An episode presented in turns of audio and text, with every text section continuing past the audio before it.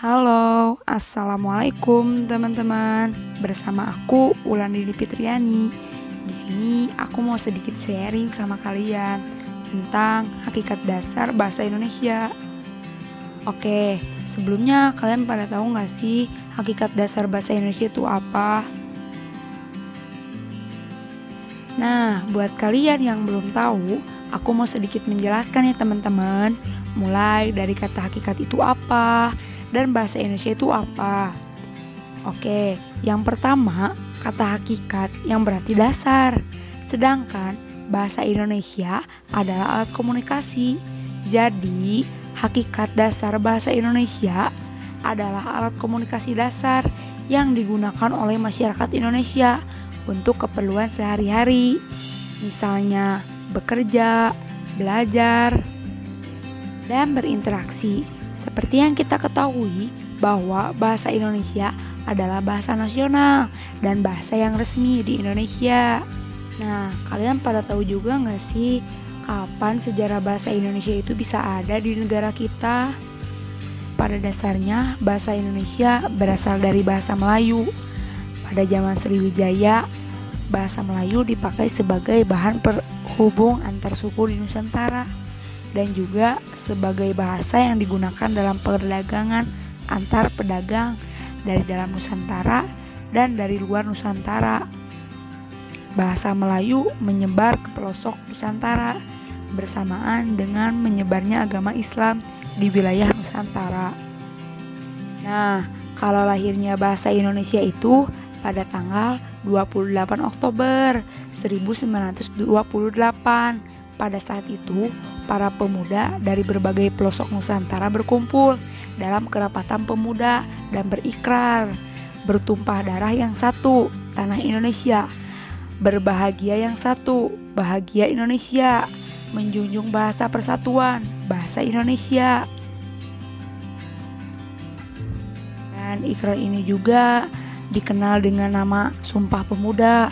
Unsur yang ketiga dari Sumpah Pemuda merupakan pernyataan tekad bahwa bahasa Indonesia merupakan bahasa pemersatu bangsa Indonesia pada tahun 1928.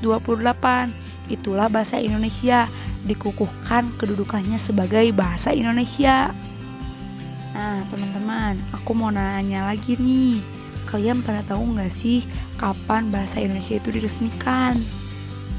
Nah, jadi bahasa Indonesia itu diresmikan pada tanggal 18 Agustus 1945.